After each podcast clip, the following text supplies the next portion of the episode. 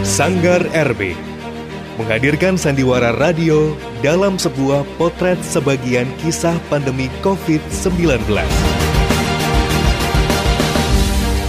Dirangkum dari kisah kehidupan manusia saat ujian datang dengan segala keterbatasan manusia untuk bisa menerima kenyataan hidup. Kali ini menghadirkan sebuah kisah dengan judul Pudarnya Sebuah Impian.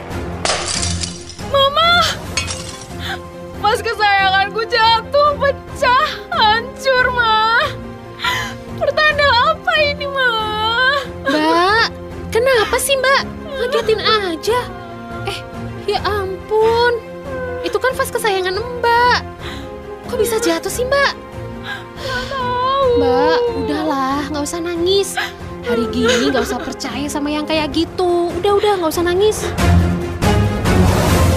Naskah karya Widya dengan para pemain Alia Nova sebagai Vivi, Meida Mara sebagai Ade, Kenny Hapsari sebagai Mama, Ari Arsa sebagai Ayub, dan Widya sebagai Bude. Teknik dan montase Hari Wahyu Tomo.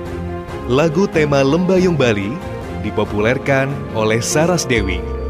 Sutradara Ciptaning Tias, produksi Reco Buntung, Yogyakarta. Selamat mengikuti. Menatap lembayung di langit Bali Dan ku sadari betapa berharga kenanganmu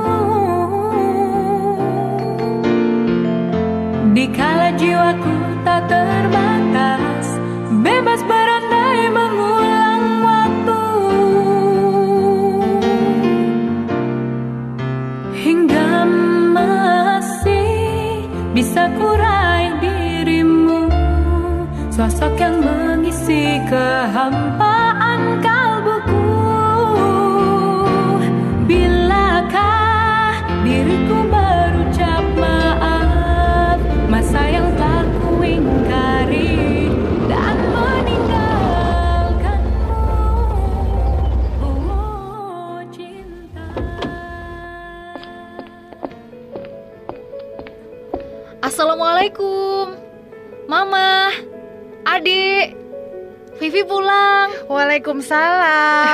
ya ampun, pulang malam lagi, Nak. Iya, Ma. Sudahlah, kamu itu jangan bekerja terlalu keras.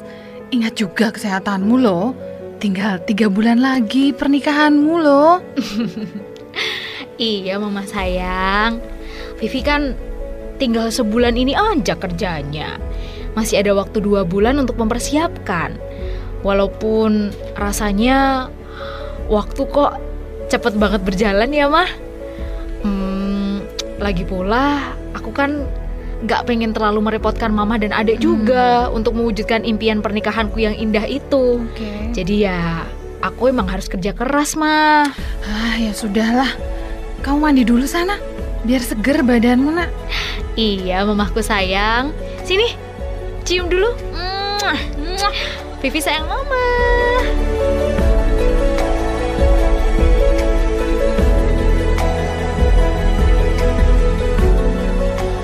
Aku dipanggil Ade sama Mama dan Mbak Vivi.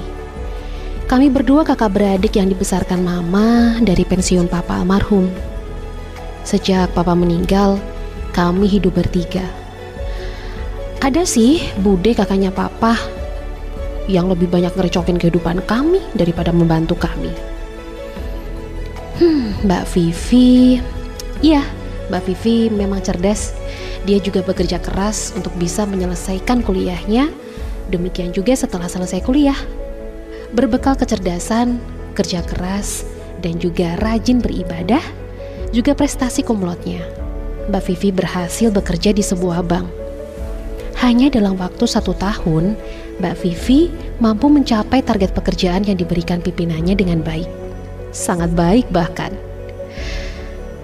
Terkadang semua itu ditempuh dengan air mata dalam menghadapi tantangan dunia kerja. Dari gaji Mbak Vivi pula, secara perlahan, kehidupan kami pun meningkat. Hm, kenyinyiran budi kami juga menjadi pelecut buat Mbak Vivi. Walaupun kata-kata Bude sering kali sangat menyakitkan. Aku masih ingat betul betapa Mbak Vivi pernah terluka banget dengan kata-kata Bude saat akan menikahkan Mbak Noni, anak Bude waktu itu. Hah, sebel. Vivi, Ja Bude. Vi, dengar kata Bude ya. Kamu itu seumuran sama Noni kan? Ya, Ya, walaupun lebih muda kamu sih. Tapi gimana Tovi? Sampai sekarang kok belum ada laki-laki yang mendekati kamu. Jangan sampai jadi perawan tua loh ya ampun Bude. di keluarga besar kita. Hmm, Nggak ada yang seperti itu. Terus, kalau kamu mau cari pacar, Mm-mm. Tuh lihat, kayak calonnya Noni dari keluarga terhormat dan berduit. Kalau nggak dapet orang yang kayak gitu, besok kamu bisa po menyelenggarakan perhelatan pernikahan yang megah, mewah, kayak yang direncanakan Noni. Makanya bergaulmu itu ya sama orang-orang terhormat dan berduit. Astagfirullah Bude.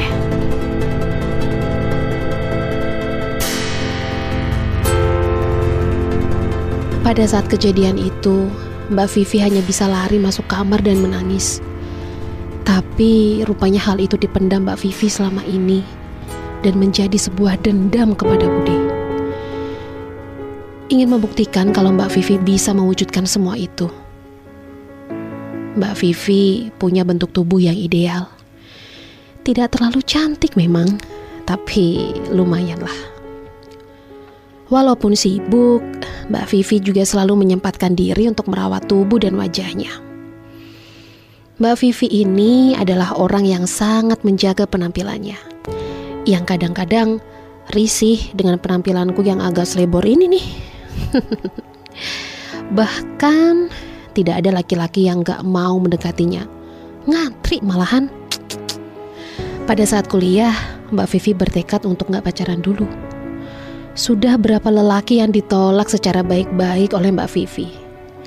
Di antara laki-laki yang datang, ternyata ada satu yang nyantol di hatinya. Kepada laki-laki satu ini, Mbak Vivi mengatakan, "Kalau bisa sabar, ya tunggu aku sampai lulus kuliah."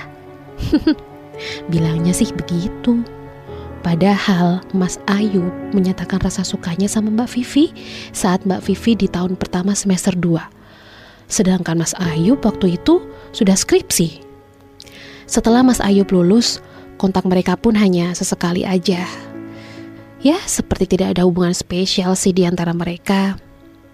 Ada sesekali Mas Ayub datang ke rumah, karena memang dipisahkan jarak yang lumayan jauh.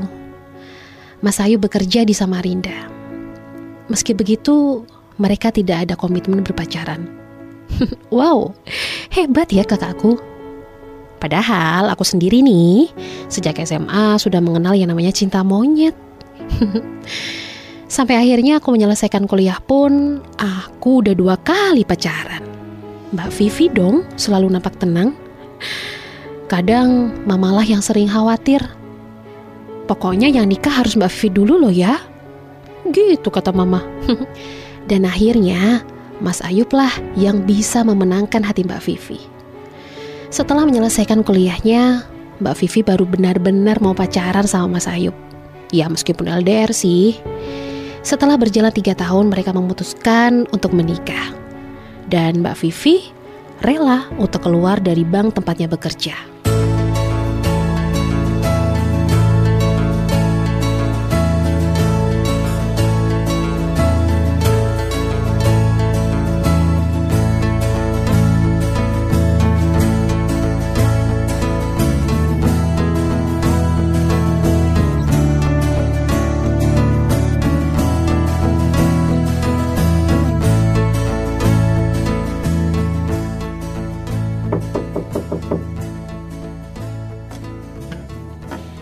Eh, ada Bude.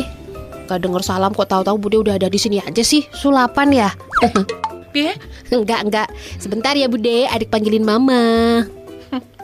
Nggak cuma mamamu. Kamu sama Vivi ke sini juga. Bude mau ngomong. Eh, ada Mbak Ayu toh. Diderekke sinten, Mbak? Piyambakan. Mm-mm. Aku Rene Dewi. Aku perlu ngomong karo kue kabeh. Vivi mana? Suruh dia ke sini. Alah Bude itu kayak enggak kenal Mbak Vivi ya. Mbak Vivi tuh belum pulang kerja tuh Bude. Ya wis, ya wis. Kalian tuh ya memang nggak punya sopan santun. Tidak menghargai aku sebagai kakak. Walaupun adikku sudah almarhum, tapi Bude ini kakaknya bapakmu. Tahu nggak? Mbak Yunya suamimu. Mosok kalian mau menikahkan Vivi, Bude nggak diajak rembukan. Dimintai restu kek. Bude ini nak yo lebih pinter mernah-mernah ke kalian toh. Wong Bude ini sudah berpengalaman punya hajatan mantu. Sebentar, Mbak, sebentar, Mbak. Jadi, Sudah, jangan dipotong dulu. Aku belum selesai ngomong. Eh Bude, sebentar. Kalau Mbak Vivi mau nikah, berarti Bude mau ikut biayain pernikahan Mbak Vivi toh? Iya nggak Bude? Hus, sembrono kamu cah cilik. Mau ngajari Bude ya? Yaudah. Lah kok jadi budemu ini tidak dikenalkan sama calonnya Vivi? Orang mana dia? Kerja apa? Bisa apa mantok ke Vivi? Paling tidak di bawahnya Noni. Kalaupun tidak bisa persis ya kayak pernikahannya Noni itu. sebentar toh, Mbak. Maaf ya, Mbak. Makanya Mbak denger dulu toh. Jangan marah-marah gitu. Jadi gini loh, Mbak. Memang ada rencana, tapi baru rencana kok, Mbak. Calonnya Vivi itu kakak tingkat waktu Vivi kuliah dulu, Mbak. Nantilah, Mbak. Pasti akan kami kenalkan ke Mbak kok. Bude itu kan perlu mengenal bibit bebet bobotnya calon suami Vivi. Kalau nggak selevel sama keluarga besar kita, Bude nggak setuju. Ingat itu. Nanti Bude tunggu. Awas kalau Bude dikiwake. Vivi suruh ke rumah, ketemu sama Bude. Hah, Sekarang Bude mau pamit dulu. Masih banyak urusan. Oh, udah Bude gitu aja. Udah marah-marahnya. ya oh, udah. bocah. Iya iya nderekke ya Bude hati-hati. Direke, Mbak. Eh Bude, jangan lupa kirim bantuan ke rekening adek nanti ya. Bocah orang genah. Wes, Bude pamit. Dadah Bude. Oke, Bude. Aduh mah, adik tuh pengen ketawa sebenarnya. Tapi mah, kok rencana pernikahan Mbak Vivi bisa bocor ya? Untuk Mbak Vivi nggak di rumah ya? Kalau di rumah kan bisa perang besar. Ih, kamu juga bisa-bisanya ngerjain Bude. Lah habis Bude marah-marah. soal mau ikut membiayai segala. Ah, biarin aja lah mah. Toh Bude juga omdo, omong doang. Kalau beneran ditodong, yakin nggak mungkin keluar. Wis, udah. Ya enggak lah. Kamu tuh ada-ada aja. Sebenarnya aku sedikit khawatir kalau sampai Bude tahu semua rencana Mbak Vivi sudah tersusun rapi. Ada, Bude bisa marah besar ini perang dunia. Tapi bodoh ah. Toh walaupun Bude kami, kehidupan kami kan tidak tergantung sama Bude. Ya bukan bermaksud tidak menghormati Bude yang sebagai orang tua sih. Tapi ya gimana? Bude sendiri tuh udah galak, jutek, ngambekan. Huh, bikin orang jadi males sama dia. Ah.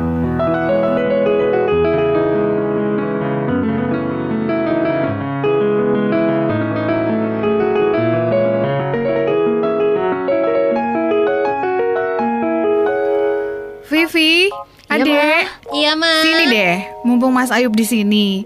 Mama pengen ngobrol sama kalian. Ada apa sih, Ma? Kayaknya Mama serius banget sih. Hmm, Mau ngobrolin apa sih, Mah?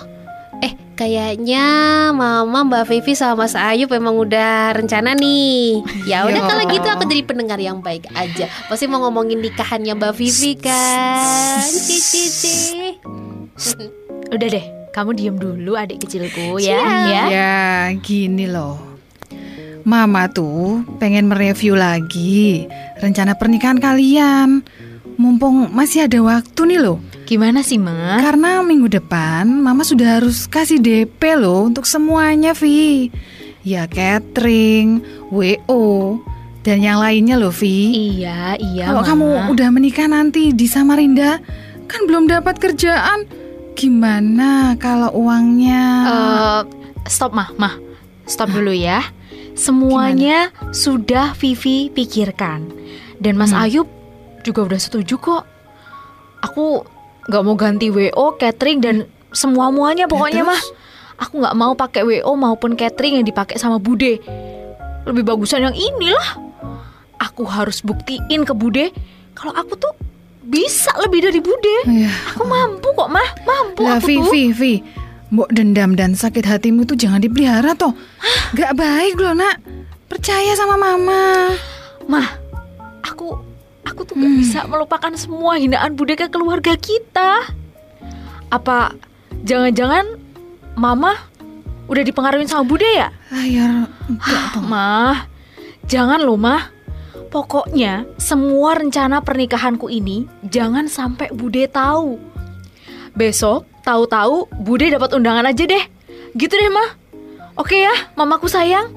Ya, Mama tenang aja. Aku Gimana sih? dan Mas Ayub bisa menyelesaikan semuanya kok. Gitu kan, Mas? Eh, iya mah. Iya ya. Kami udah siapin semua kok mah. Mama gak usah khawatir. Karena Vivi tuh udah lama punya impian pernikahan seperti itu mah. Ya kan sayang? Tuh kan, Mah. Udahlah, Mama tuh gak usah khawatir. Hari ini juga Vivi transfer dananya ke Hmm. Mama ya. Jadi Ya. besok Mama udah bisa bayar WO, catering, dan semua pernak-pernik yang dibutuhkan. hmm, Vivi. Sebenarnya mama tuh juga mikir adikmu. Kenapa? Gimana lagi sih, Ma? Kalian tuh sama-sama anak perempuan mama. Hmm. Besok kalau adik nikah, Hmm. terus mama nggak mampu menyelenggarakan seperti nikahan kamu, terus gimana toh? Hmm, Ya udah sih mama. Tenang aja. Adek mah santai. Pesta kebun juga nggak apa-apa. Itu kan kekinian banget Hmm. ya kan ya. Iya mbak ya. Mah rezeki orang itu kan nggak bisa sama. Lagian aku juga mau kerja keras Dan nabung dulu untuk pernikahanku Ya. besok. Tenang aja mah tenang. Iya, mah. Lagian, insya Allah, Vivi pasti bantu adik, mah. Hmm, Vivi nggak mungkin lah membiarkan mama mikir adik sendiri. ya harus. Iya kan, Mas? Iya. Makasih mbak aku sayang Anda masih mengikuti Sandiwara, potret kisah pandemi COVID-19, Radio Reco Buntung 99,4 FM.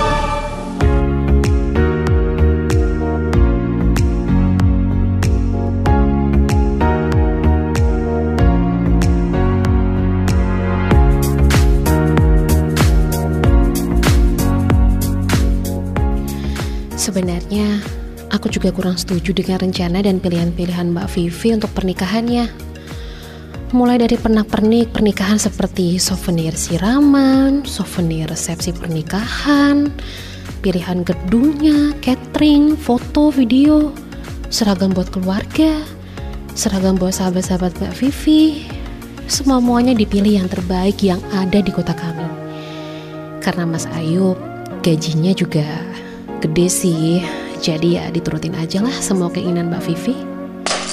Mama, pas kesayanganku jatuh, pecah, hancur, mah. Pertanda apa ini, mah? Eh, kenapa sih Mbak? Ngagetin aja. Ya ampun, itu kan vas kesayangan Mbak. Iya deh. Kok bisa jatuh sih? Nggak tahu. Ya udah sih Mbak, udah nggak usah nangis. Hari gini tuh nggak usah percaya sama yang kayak gitu, ya. Udah, udah, udah. Aduh dek, kenapa mbak malah jadi deg-degan gini ya? Perasaan mbak jadi nggak enak dek.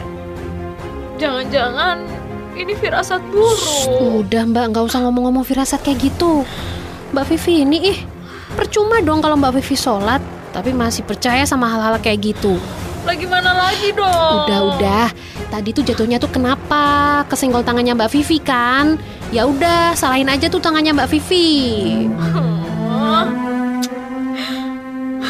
Duh, ini kan vas mahal. Carinya juga susah. Mbak tuh suka banget sama vas Wah. ini loh. Ada apa sih? Ribut-ribut. Gimana ini Walah. mah? Kok vasnya bisa hancur gitu tuh? Nggak tahu. Ini tadi kesenggol tangan Vivi sendiri, Walah, mah. Vivi. Ya sudah, cepat dibersihkan. Duh, hati-hati, jangan sampai kena kaki. Ya ampun. Ada yang lebih penting dari vas yang pecah. Kalian sudah update berita terbaru belum? Berita apa, Mah? Ini pemerintah sudah memperlakukan lockdown loh. Hah? Juga larangan menyelenggarakan hajatan.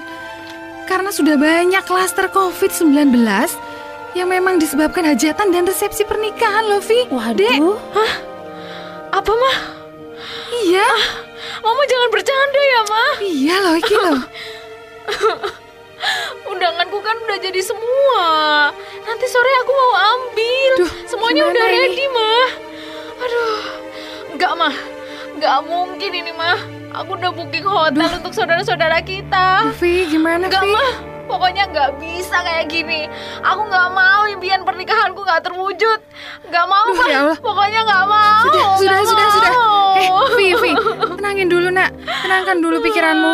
Sudah ya, jangan nangis. Hentikan dulu tangismu. Aduh, Mama sangat mengerti kekecewaanmu. Tapi kita juga harus tetap pikirkan opsi lain loh, Vi. Harus gimana Kita lagi, diskusikan Mah? bersama bagaimana baiknya. Kita masih ada waktu satu bulan kok. Kemungkinan terburuk kalau semua tidak bisa berjalan seperti yang kita rencanakan. Kita harus segera merencanakan bentuk acaranya seperti apa. Jika semua memang dalam batasan yang diperbolehkan pemerintah, loh, Vi. Iya, Mbak. Bener kata Mama. Hmm. Udah ya, Mbak Vivi nggak usah nangis. Kita harus merencanakan ulang semuanya. Nggak bisa dong, nggak bisa Iya, kayak gini. Ade juga tahu, Apa, Mbak. Vi? Udahlah, apa yang sudah kita booking harus segera di cancel. Iya, Vi. Ini semua kan juga ujian buat kita mbak Nggak cuma buat mbak Vivi aja Semua ini sudah kehendak Allah yang tidak bisa kita lawan Sia-sia dong aku kerja mati-matian ngumpulin uang buat mewujudkan semua impian pernikahanku. Ya Tuhan, kenapa gini sih? Kenapa gini? Terus gimana dengan biaya-biaya yang sudah kita keluarkan? Itu bisa kembali nggak, mah? Gimana, mah? Gimana?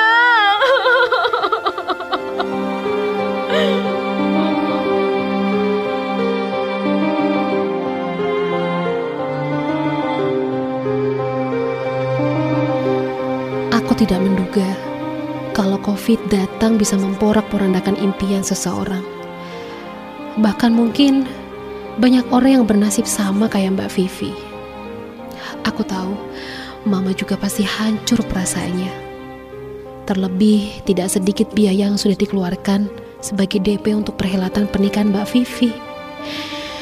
Ah, Astagfirullah ya Allah. Semoga saja Engkau berikan kemudahan bagi kami sekeluarga ya Allah. Kami bukan keluarga berada. Bagaimanapun uang yang sudah keluar bagi kami, itu adalah jumlah yang sangat besar sekali. Semoga uang yang sudah terbayar sebagai DP bisa kembali kepada kami ya Allah. Dan akhirnya semua acara berubah karena kondisi pandemi. Mulai dari acara seserahan, pengajian, siraman, mitodareni, maupun resepsi yang sudah booking gedung dengan WO maupun catering, semuanya diubah. Semua dilaksanakan dengan sederhana dan keterlibatan kerabat. List undangan batal semuanya. Karena memang ada pembatasan. Hanya boleh 15 orang saja. Ya, impian Mbak Vivi yang dirancang yang di dalamnya ada unsur sakit hati atas perlakuan Bude kepada kami, semuanya batal. Mungkin di dalam peristiwa tersebut juga ada hikmah. Allah tidak mengizinkan dengan cara manusia membalas sakit hati atas perlakuan Bude kami. Mbak Vivi di hari perhelatan acara tersebut terlihat cantik sekali dengan balutan kebaya putih yang panjang. Ya, walaupun sesekali Mbak Vivi menghela nafas, aku tahu aku sebagai adiknya bisa membaca semuanya. Kekecewaan itu pasti masih ada. Ini adalah momen mengawali kehidupan baru yang akan ada kerikil-kerikil yang akan kau temui dalam perjalanan hidup berumah tangga sebagai ujianmu, Mbak. Terimalah semuanya dengan bahagia, Mbak. Itu kata-kata yang sempat aku sampaikan untuk mbakku satu-satunya ini. Aku pun sebenarnya dalam hati juga menangis dengan musibah ini. Dan di luar sana, ternyata banyak juga cerita-cerita yang seperti ini. Terima dengan ikhlas ya, Mbak Viviku sayang.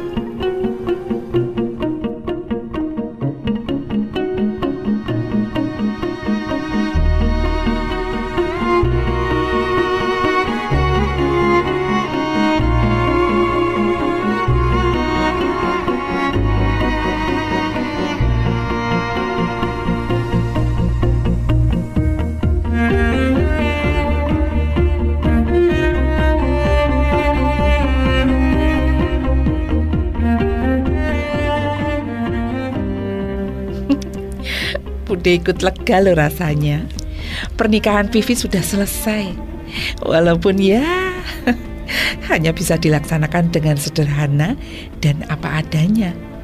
Iya Tona Ayu. Iya memang sudah nasibmu kok Vi. Kamu nikah dengan cara seperti ini. Lah kok kamu pengen melebihi dari pernikahannya Noni, ya kan? Bude, jangan ngapunten ya. Bude itu kok nggak puas-puas ya selalu menghina kami? Apa sih salah kami ke Bude? Saya kalau nggak mengingat papa almarhum, saya nggak ingin Bude ada di sini di acara pernikahan saya. Hei, mentang-mentang kamu sudah punya suami sekarang ya? Berani kamu sekarang sama Bude ya, Vi? Maaf Bude, bukan maksud Vivi seperti itu. Udahlah sayang, ini hari bahagia kita loh. Jangan ada ribut-ribut sesuatu yang gak penting lah. Sudah Mbak Yu. Vivi, kamu juga tahan diri nak. Sudah, sudah. Nggak bisa mah. Selama ini Vivi tuh diam dihina sama Bude mah. Gak usah lah Bude membangga-banggakan resepsi pernikahan Mbak Noni yang sudah lalu itu Bude. Bude kira saya ini nggak tahu bagaimana nasib pernikahan Mbak Noni sekarang. Hah? Mbak Noni tuh nggak datang ke pernikahan saya karena habis bertengkar hebat. Dan Bude tahu suaminya sekarang pergi meninggalkan Mbak Noni Bude. Bude tahu itu kan? Eh apa? Kurang ajar. Sampai juga berita itu ke kamu ya. Sudah, Bude mau pulang.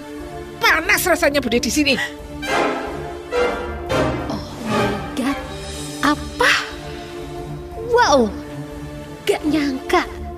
Ternyata mbakku yang cantik ini, istri Mas Ayub ini, punya senjata pamungkas yang ampuh ya buat membungkam mulut Bude yang usil itu. Hmm, rasain Bude.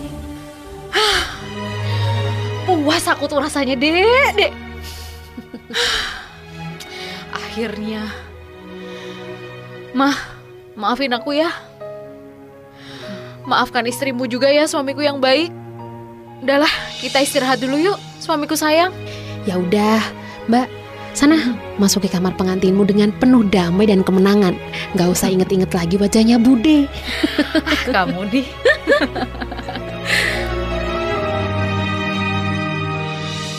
Aku masih nggak menduga Mbak Vivi akan seberani itu sama Bude.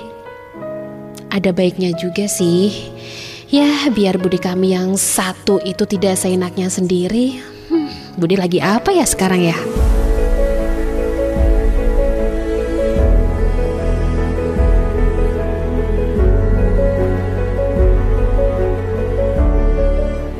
Ayub, Vivi, Iya, Mah. sekarang kalian kan sudah jadi suami istri. Setelah ini, Vivi akan meninggalkan mama dan adik di sini. Kalian akan hidup di rantau. Ingat, ingat pesan mama ya nak. Dan Ayub, sekali lagi, mama titip Vivi ya. Mama yakin Ayub bisa jaga Vivi dengan baik. Kalau saja bisa mama tahan kalian di sini. Gak usah jauh-jauh dari mama. Ah, udahlah. Mama tuh jangan sedih gitu. Ntar Vivi sama Mas Ayub jadi berat banget loh ninggalin Mama sama adik di sini. Katanya Mama pengen Vivi dan Mas Ayub hidup bahagia Ya, kan? iya. Yang penting doakan kami ya, Mah. Kita kan bisa call tiap hari. Vivi kan juga masih di Indonesia juga, Mah. Halah Mbak Vivi nih Di depan Mas Ayub aja so tegar Tahu nggak sih Mah tadi malam sempat nangis loh Tahu nggak sih Mas Kamu nih. Katanya tuh berat banget ninggalin mama sama adek Yes, ada-ada aja. Adek nih, jangan buka-bukaan rahasia gitu dong. Ntar mama jadi tambah sedih loh. Enggak kok, mah. Vivi kan anak mama yang kuat dan tegar, ya kan mah? Oh iya mah, Hmm. yang urusan DP-DP-an itu gimana mah? Ya kalau WO-nya katanya sih secepatnya akan dikembalikan, dipotong, biaya turun kelas. Mama juga belum tahu jadi berapa persen yang akan kembali ke kita, nak. Ya, Kalau cateringnya sih masih minta waktu. Mungkin sekitar ya enam bulan ke depan. Itu pun belum tahu berapa yang bisa kembali ke kita, Vi. duh. Maafkan Vivi ya mah, jadi nambah-nambah pekerjaan dan pikiran mama aja. Semoga uang kita bisa kembali ya mah. Insya Allah, kalau masih jadi rezeki kita, pasti akan kembali kok. Oh iya mbak, kok album-album foto pernikahan Mbak Vivi dikeluarin lagi sih? Emang nggak dibawa sekalian ke Samarinda?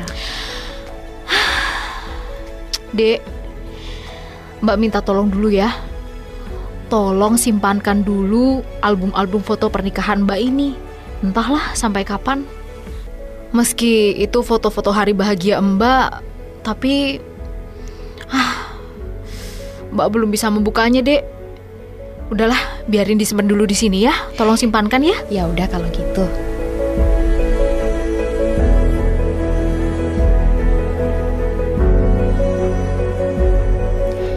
Ya, memang gak mudah bagi Mbak Vivi buat move on dari impian-impiannya tentang pernikahannya yang indah. Pesta yang meriah, dengan banyak dihadiri teman, sahabat, dan kerabat, juga hidangan yang banyak dan enak-enak. Datangnya bencana ini juga tidak ada yang menyangka.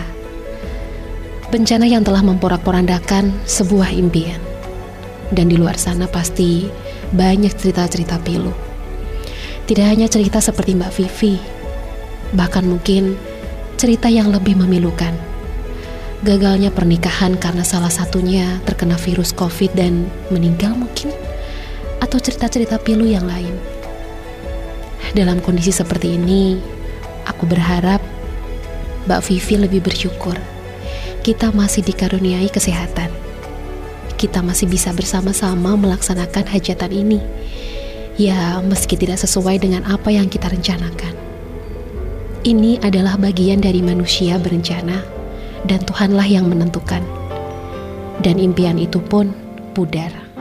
Menatap lembayung di langit Bali Dan ku sadari betapa berharga kenanganmu